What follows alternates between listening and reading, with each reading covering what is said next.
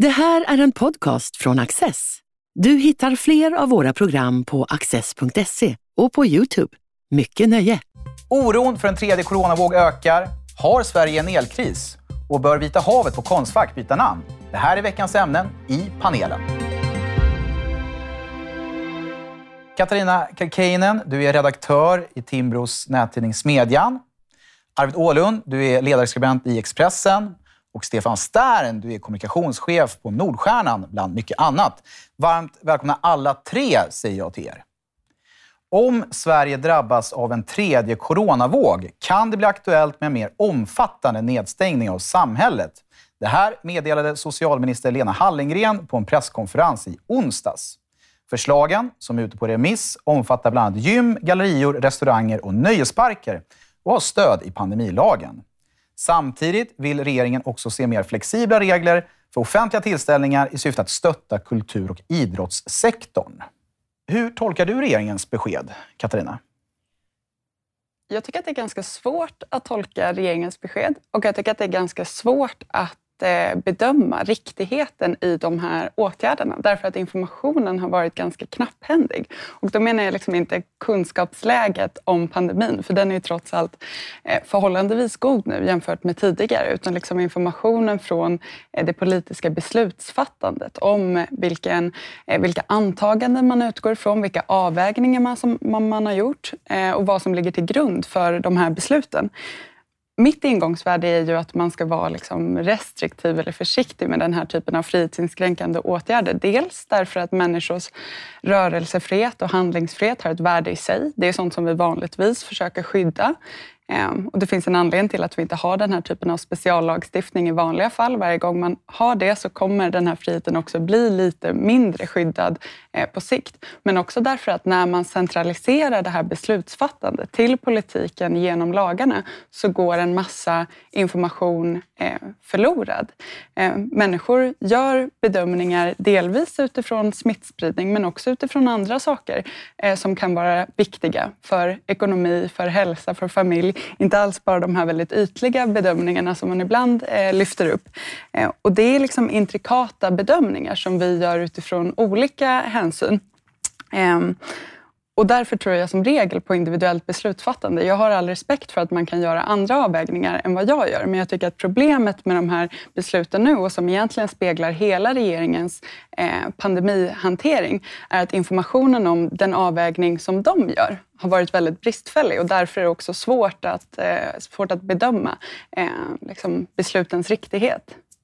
Vad tänkte du Arvid när du hörde presskonferensen? Um, jag skulle egentligen bara vilja ta fasta på någonting som Katarina sa uh, precis i början, där med kunskapsläget. Jag är inte lika säker på att uh, kunskapsläget nu är så bra, till och med nu. Men jag tänker på den här Danderyd-studien som kom eh, i förrgår, tror jag det var, uh, som handlade om antikroppar. Och så här. Men också det här som jag tror jag såg igår, då, att uh, uppe i Northvolt, den här batterifabriken, är det va? Eh, där alla blev någon sån klustersmitta och så var 70 procent, jag, ska inte, jag är inte helt hundra på siffran här, men jag tror att det var någonting 70 procent var äh, asymptomatiska. Sådär. Och det tyckte jag var extremt intressant äh, och kändes liksom helt nytt, åtminstone i svensk kontext. Äh, vad gäller liksom själva grundfrågan så tycker jag att den är principiellt extremt intressant. Praktiskt tycker jag att den är väldigt svår. Eh, jag håller med om i grunden att liksom, jag gillar inte tanken på att man ger statsmakten liksom ökade befogenheter att inskränka eh, personers frihet. Eh, Mm, sen tänker jag att liksom, vi, vi ligger ganska långt ut åt ena hållet i det här ändå i Sverige om man tittar på andra länder som har eh, mycket större befogenheter normalt sett med undantagstillstånd. Och så här. Eh, jag vet inte hur många som klagade i Frankrike när man införde undantagstillstånd i tre, fyra år, inte minst då i den svenska högen på grund av eh, terrorism och sådär. Liksom. Eh, men sen tänker jag också att i den tid vi lever i, där sådana som jag eh, till exempel eh, liksom, varnar rätt mycket för liksom, eh, högerpopulism och liksom, auktoritära tendenser och strömningar. Och så, här. så är det rätt timing att liksom, göra det här då? Så jag är väldigt eh, kluven, eh, måste jag säga. Det är därför jag är eh, liberal ledarskribent. vad, vad tänker du, Stefan? Nej, men först får man väl ändå ge eh, regeringen, både den svenska och, och alla andra, att det som definierar en kris är ju att kunskapsläget är svårdefinierbart. Det är överraskande moment och det finns inget facit hur man ska hantera. Men jag upplever klart att det är någon slags 360 graders vändning i retoriken här. men kanske 12 månader efter den första vågen. Det vill säga, eh, innan utbrottet blev globalt så eh, spelade ju snarare Sverige ner, både expertis och regeringen ner möjligheterna eller risken för att Sverige skulle drabba. Andra vågen spelade man ner. Och det jag menar med att det är en 360 graders vändning här i retoriken, det är att nu spelar man ju upp tredje vågen och varnar för den. Och eh, likaså så skaffar man sig lite snabbare då via den här förordningen befogenheter, eh, verktyg att kunna eh, stänga ner sektorer eller delar av samhället. Mm. Något som man inte gjorde tidigare, utan tvärtom så väntade man ju till exempel hela sommaren och flera månader på den här pandemilagen. Så det är ju en, en, en omsvängning här.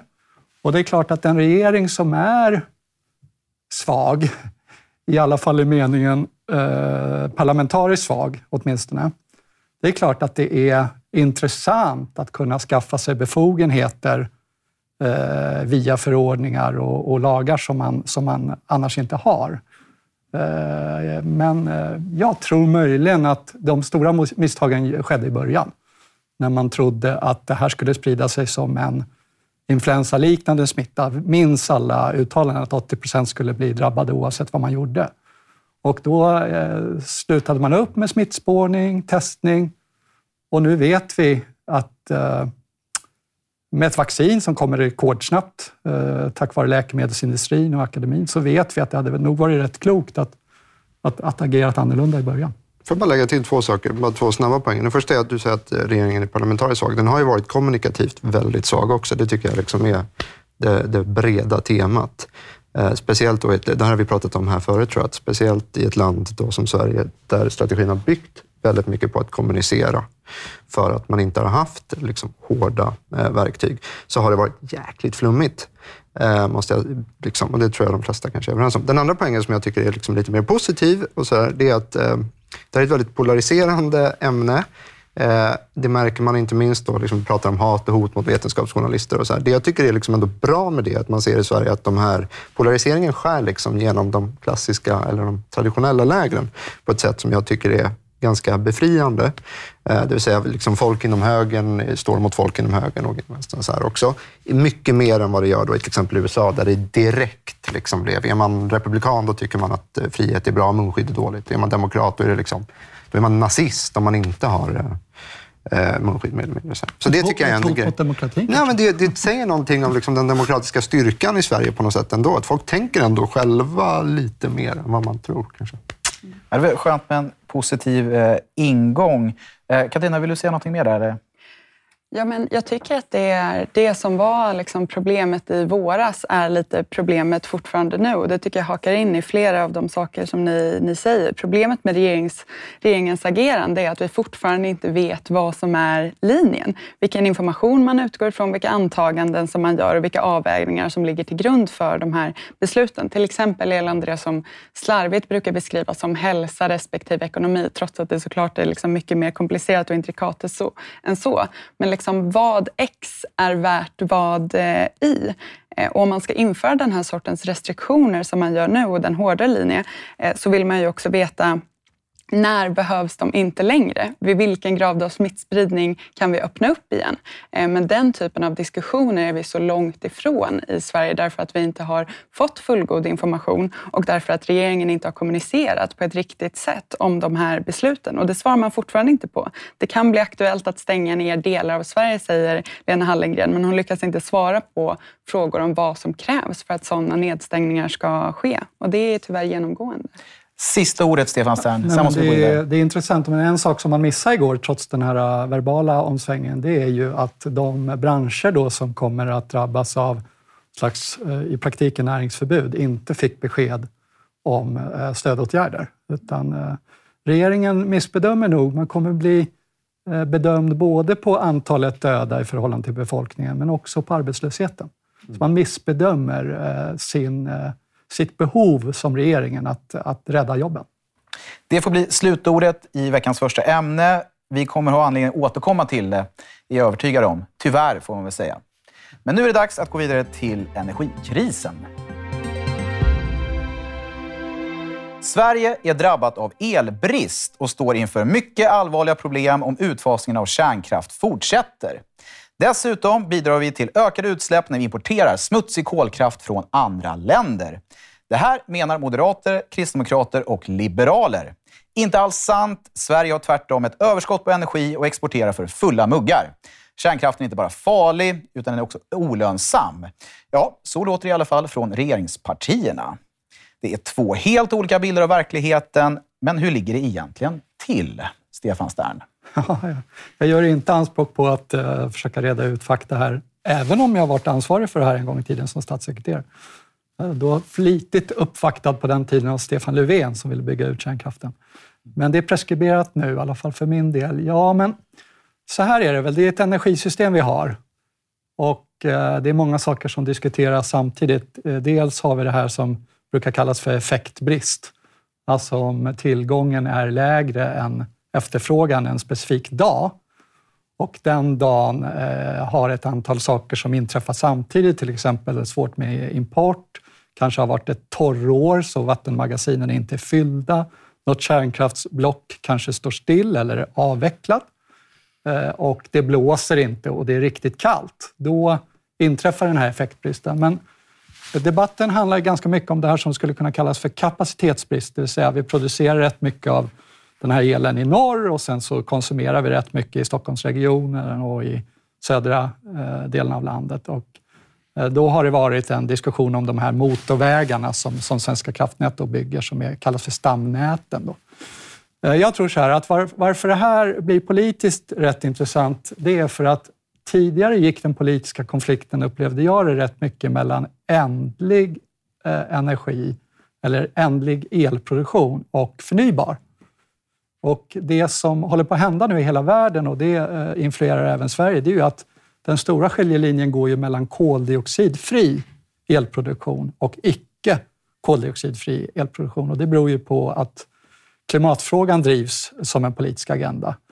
Och eh, det här gör liksom att vi eh, får den här diskussionen och det är rätt och rimligt. Det är ju otroligt viktigt för industrin otroligt viktigt för hushållen, otroligt viktigt för svensk konkurrenskraft, hur vår elförsörjning och hur, hur vårt eh, eh, energisystem ser ut. Så att jag tycker det är en sund debatt.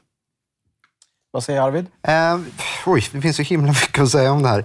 Det, det är ju i grund och botten liksom en, en, målkonflikt som folk inte vill erkänna. Jag skrev om det här ur så att säga, tyskt perspektiv i förra veckan. Eh, och bara för att dra det kort då, tyskarna avvecklar kärnkraften efter Fukushima, eller bestämde, och de har i princip gjort det, åtminstone inte hälften. Och de ska nog göra det om allt går enligt plan Eh, eh, ska avveckla allt redan nästa år. Och det som har hänt då, jag grävde fram en studie, en amerikansk studie som visar att eh, allt annat lika så har det ökat utsläppen för att man, man har byggt massa vindkraft. Jag personligen tycker det är väldigt bra, men det spelar liksom ingen roll om du har tio vindkraftverk eller en miljard om det inte blåser. Det säger sig självt. Liksom. Så att det man har gjort då är att man har eldat kol istället. Och det, Ska man välja mellan de två då så nej, det går inte för Parismålen är sådana att vi kan inte släppa ut mer och därför måste man göra sig eh, beroende av rysk gas. Så att allt det här hänger ihop. Liksom. Och det där är ju, jag tycker det illustrerar på ett ganska bra sätt att någonstans, something's gotta give, som man säger. Liksom. Någonstans måste du få den här stabila elen ifrån. Jag är ingen liksom, av sådär, kärnkraftsvurmare sedan jag var nio år. Jag har kommit in i det här ganska sent, men jag tycker att det är, liksom, det, är det enda rationella till slut. Och det är liksom ungefär så Bill Gates resonerar, om man ska vara tråkig. Så här. Vill vi ha, kärnkraft är inte idealiskt, men vill vi minska liksom, utsläppen så måste vi ha någonting, för vi kommer inte liksom, att avveckla vår exportsektor och vår industri. Det är ju liksom löjligt. Och så är som sagt då det här med att man hela tiden talar förbi varandra i debatten på ett sätt som är ganska, jag tycker är ganska osmakligt då när man inte är så insatt. Jag var tvungen att läsa in mig på det här. Eh, när miljöpartister och moderater står och säger saker som är liksom låter som att de inte alls stämmer överens. Sverige är ett avlångt land. Vi producerar massa el. Eh, vi har massa vattenkraft i norr. Vi producerar massa el och vi kan inte dra den söderut för att det är svårt att få tillstånd. Eh, det tar lång tid att bygga bra ledningar och det är därför vi har kärnkraftverk i söder. Egentligen ganska basic. Eh, så, så att när alla pratar om elbrist och effektbrist, det är ju bara för att folk blir förvirrade. Vi har massa el, vi har den på fel plats. Håller du med Katarina? Ja, men det har ju liksom vridits och vänts väldigt mycket på, på ord och begrepp under de här eh, senaste veckorna. Eh, till exempel som det här att vi är nettoexportörer på helårsbasis. Och det går väl bara att konstatera att det är kanske inte så hemskt mycket tröst en kall februaridag. Det är liksom, den kunskapen värmer inte det är eh, så väldigt bra. mycket.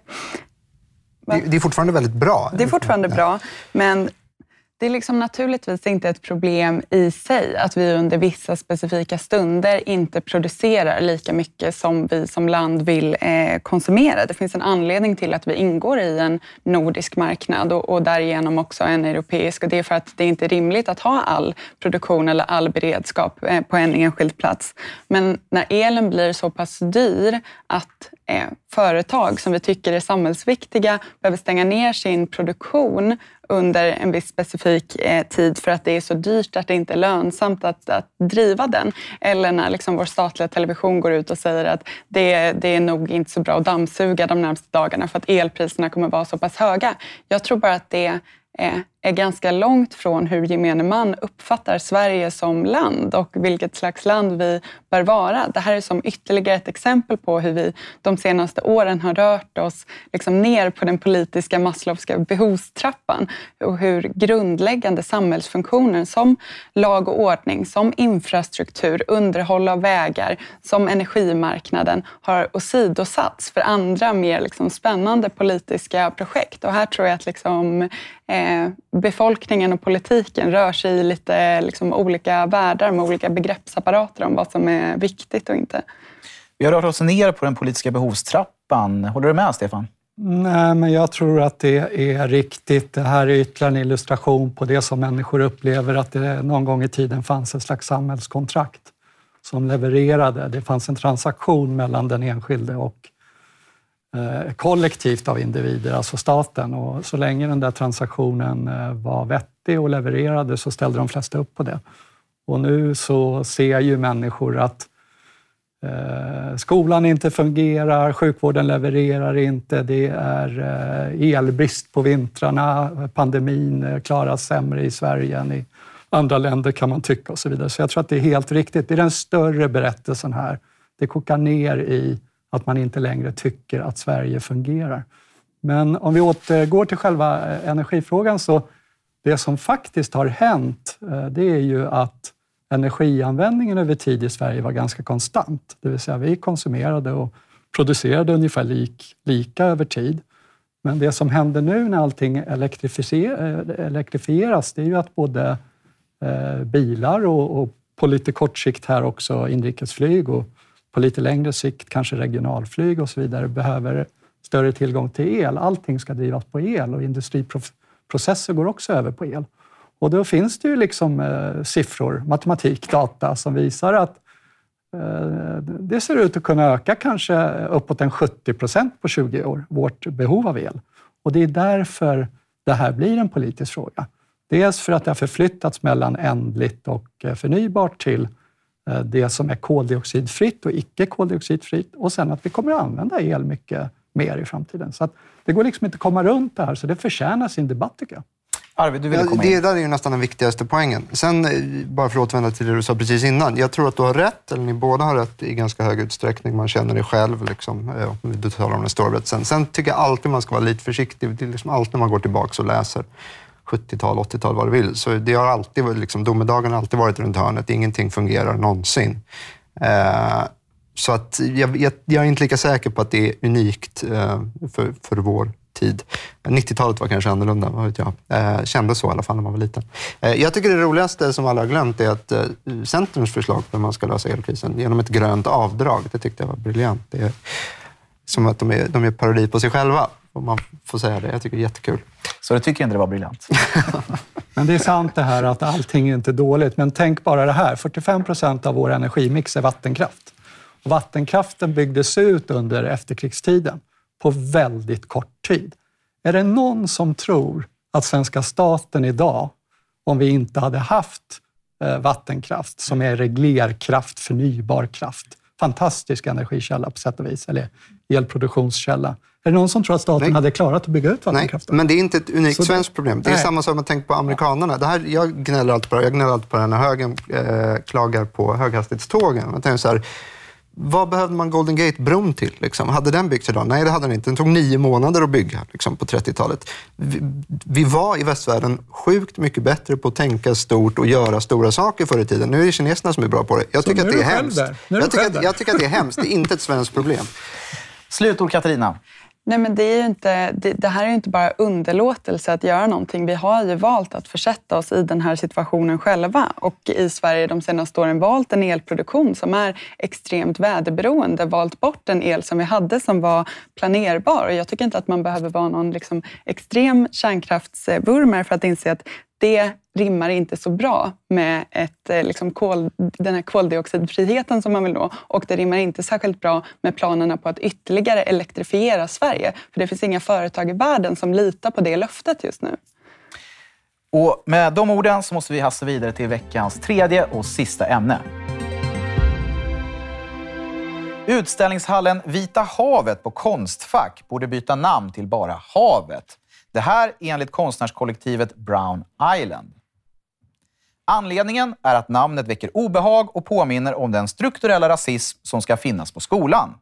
Konstprofessor Sara Kristoffersson protesterade offentligt mot förslaget, vilket möttes av hård kritik från hennes kollegor. En kulturdebatt i mängden, eller säger den någonting mer om vår tid? Arvid? Um, ja, den säger någonting mer om vår tid i- allra högsta grad. Eh, just att det sker på Konstfack är ju inte särskilt förvånande. Eh, liksom om man ska försöka hitta var det här verkligen så att säga, finns liksom, i Sverige så, så tänker man att Konstfack är nog ett ganska bra ställe att börja leta på. Det är, det är ju nästan det är parodiskt, tycker jag. Eh, och, och det säger ju rätt mycket. Jag menar, vi har sett de här tendenserna på andra institutioner också, på SR och sådär. Eh, så själva sakfrågan i sig, nej, den, jag tycker den är, det är humor. Sen så tycker jag själva liksom den större identitet, det man kallar för identitetspolitik, vilket är ett jäkligt krångligt begrepp som alla andra stora begrepp. Så här. Den diskussionen är ju liksom intressantare. Så här. Allt det här kommer från USA. Där tycker jag att det är ganska knepigt. Eh, det finns både det här då som jag är väldigt mycket emot, som jag tror nästan alla är ganska mycket emot i Sverige, eller åtminstone majoriteten, som är det här liksom närmast eh, militanta på universiteten och sådär. Sen så finns det ju liksom en annan aspekt av det, om man nu ska titta just på USA, för det är verkligen därifrån begreppsapparaten och liksom allt det här kommer. Eh, att USA är marinerat i en sorts strukturell rasism, det tycker många är liksom svårt att erkänna, men det är ju ett faktum. Och jag uppfattar att i Sverige så är man antingen så här, man är emot identitetspolitik eller så är man för det. I USA tycker jag att det finns massa kloka människor som kan, som Ulf Kristersson brukar säga, ha två tankar i huvudet samtidigt. Liksom. Det finns ett en, enormt problem med rasism i USA, vi ser det hela tiden. Eh, det finns också ett enormt problem med den här nästan totalitära, de här totalitära strömningarna som kommer från universiteten. Eh, man måste kunna navigera emellan dem på något sätt, eh, upplever jag. Och en sak som jag tror är väldigt viktig är att så här, väldigt mycket av det här eh, som vi tänker på i identitetspolitik, jag har en känsla av att det kommer liksom från någon sorts övre medelklass, en vit övre medelklass ofta. Så här.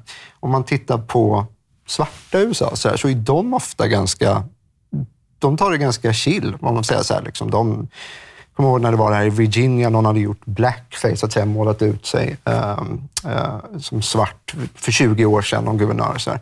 Det blev ju ramaskri. Pratade man bland svarta så här, nej, de tyckte inte att det var så jäkla farligt. Så här. Jag vet inte vad man ska säga om det, men jag tror att här, man, man blandar ihop väldigt mycket av det. Nu gick jag väldigt långt från eh, Konstfack, men eh, det, där är bakgrunden. Det är helt okej. Katarina? Men man undrar ju nästan lite om det är ett eh, konstprojekt. Som satir beträffat så vore det ju eh, ganska träffsäkert. Eh, men, nej men det är snurrigt, men jag tycker att det är värt att uppmärksamma och jag tycker att den här professorn, Sara Kristoffersson, gör rätt i att liksom lyfta frågan till offentligheten eftersom det faktiskt inte bara rör eh, Konstfack som för övrigt är en liksom, högskola, en statlig myndighet, så något slags allmänintresse finns det ju också. Det är inte bara en intern fråga, men det är ju en del av en större trend och det gäller inte längre bara de amerikanska universiteten utan vi ser det här på konstskolorna i Köpenhamn och i Oslo. Eh, de har nyligen genomgått liknande eh, debatter och i Norge så krävde studenterna att viss eh, konst skulle rensas ut ur lokalerna och i Danmark så kastade då en konstgrupp tillsammans med en lärare ut en byst av Fredrik V i havet som en liksom protest mot kolonialism.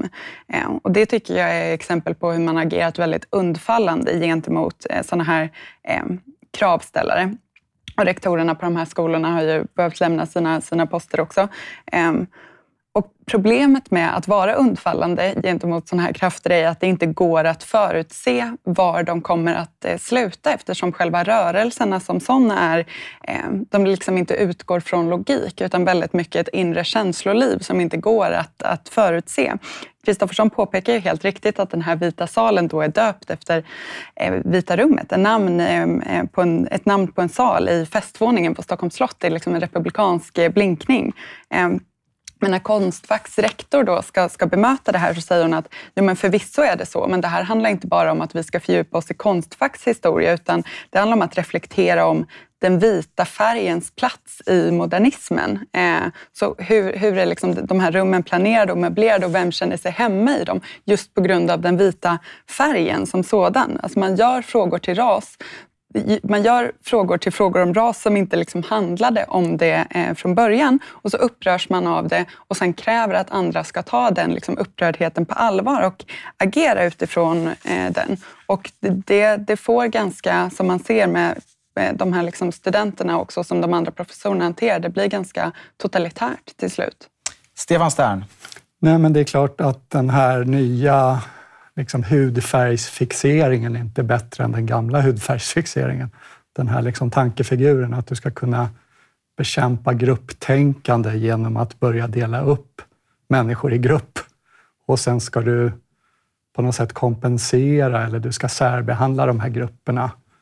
Eh, då blir det så att säga snurrigt, som sades här, därför att det är eh, lika felaktigt med det nya, även om då Eh, skälet eller syftet sägs vara godare den här gången så, så är det ju väldigt knasigt att börja liksom dela upp människor i ja, men hudfärg, etnicitet eller religion eller sexuell läggning och så. Och problemet med det här det är ju att det, det sprider sig. Den här tankefiguren sprider sig. Det är Nordamerika visst, men det är också stora delar av europeisk debatt och eh, det finns på inom eh, akademiska diskussioner, men det sprider sig också till en hel del delar av näringslivet nu och så vidare. Och förlängningen av det här är ju inte roligt alls, utan då är vi ju fast i att eh, inte bedöma människor efter individ, duglighet, eh, egenskaper som, som, eh, som varje individ har rätt att ha, ha, bli bedömda utifrån. Så det är snurrigt. Korta slutord, Arvid och ja, Katarina. Jag håller i grunden helt med. Jag bara liksom betona att det här är ju någon sorts elitfenomen. Mm. Därför har jag kanske varit lite så relativistisk. Man ska inte göra för stora av det här. Folk blir så jäkla arga. Men det, problemet är ju precis som du säger, att det sprider sig uppifrån och ner. Det sprider sig via universiteten, i USA väldigt mycket i staten. Eh, som du säger, näringslivet. Så här, jag menar, I USA, alltså i San Francisco, så, alltså det, de tar nu liksom bort eh, Lincolns namn från så här skolorna. Alltså det det är fantastiskt på många sätt. Men jag vill, liksom, jag vill inte bara säga så här, att det, det är parodiskt. Det är, för vänstern är det självmord. Alltså det här kommer aldrig, tror jag, få så att säga, fäste i de breda leden. Det är en alldeles för liksom, knepig tankefigur. Ehm, jag tror att här, man bör ta avstånd från det här ganska snabbt om man vill, om man vill rädda sig själva. För det här är, det är, det är inget bra. Superkort, Katarina. Ja, men det som är intressant är att det är väldigt, man vill ju inte överdriva det här och jag tycker ofta när man beskriver det att det låter som att det här hotet är överdrivet. Men sen kommer det sådana här exempel när man också hör den här extremt liksom konstruktivistiska ideologin som är så spännande. Jag hörde en av de här studenterna intervjuas i SVT. Um, ehm, Eh, och, hon sa just då att eh, ja, men det här är viktigt eftersom ord och uttryck och bilder och metaforer är det som skapar världen. Det är det som avgör hur liksom världen är beskaffad. Det är ett väldigt intressant sätt att eh, se på det. En konstprofessor beskrev det som att konsten har blivit mer liksom politisk och aktivistisk igen och de här tuffa diskussionerna som förs i samhället prövas nu också i konsten. Men det är ju så att säga inte det som blir effekter när den här aktionen handlar om att byta namn på saker, att rensa ut, att liksom kasta statyer i havet. Det är liksom ett hot mot de här värdena som konsten och kulturen och akademin och våra konstakademier eh, ska ha. Och man får bara hoppas att det inte går lika långt som i våra grannländer. Och där måste vi tyvärr sätta punkt för veckans avsnitt av panelen. Stort tack för att ni har varit med och tack för att ni har tittat. Du har just lyssnat på en podcast från Access. Du vet väl att vi också är en tv-kanal och tidning? Teckna en prenumeration idag på access.se.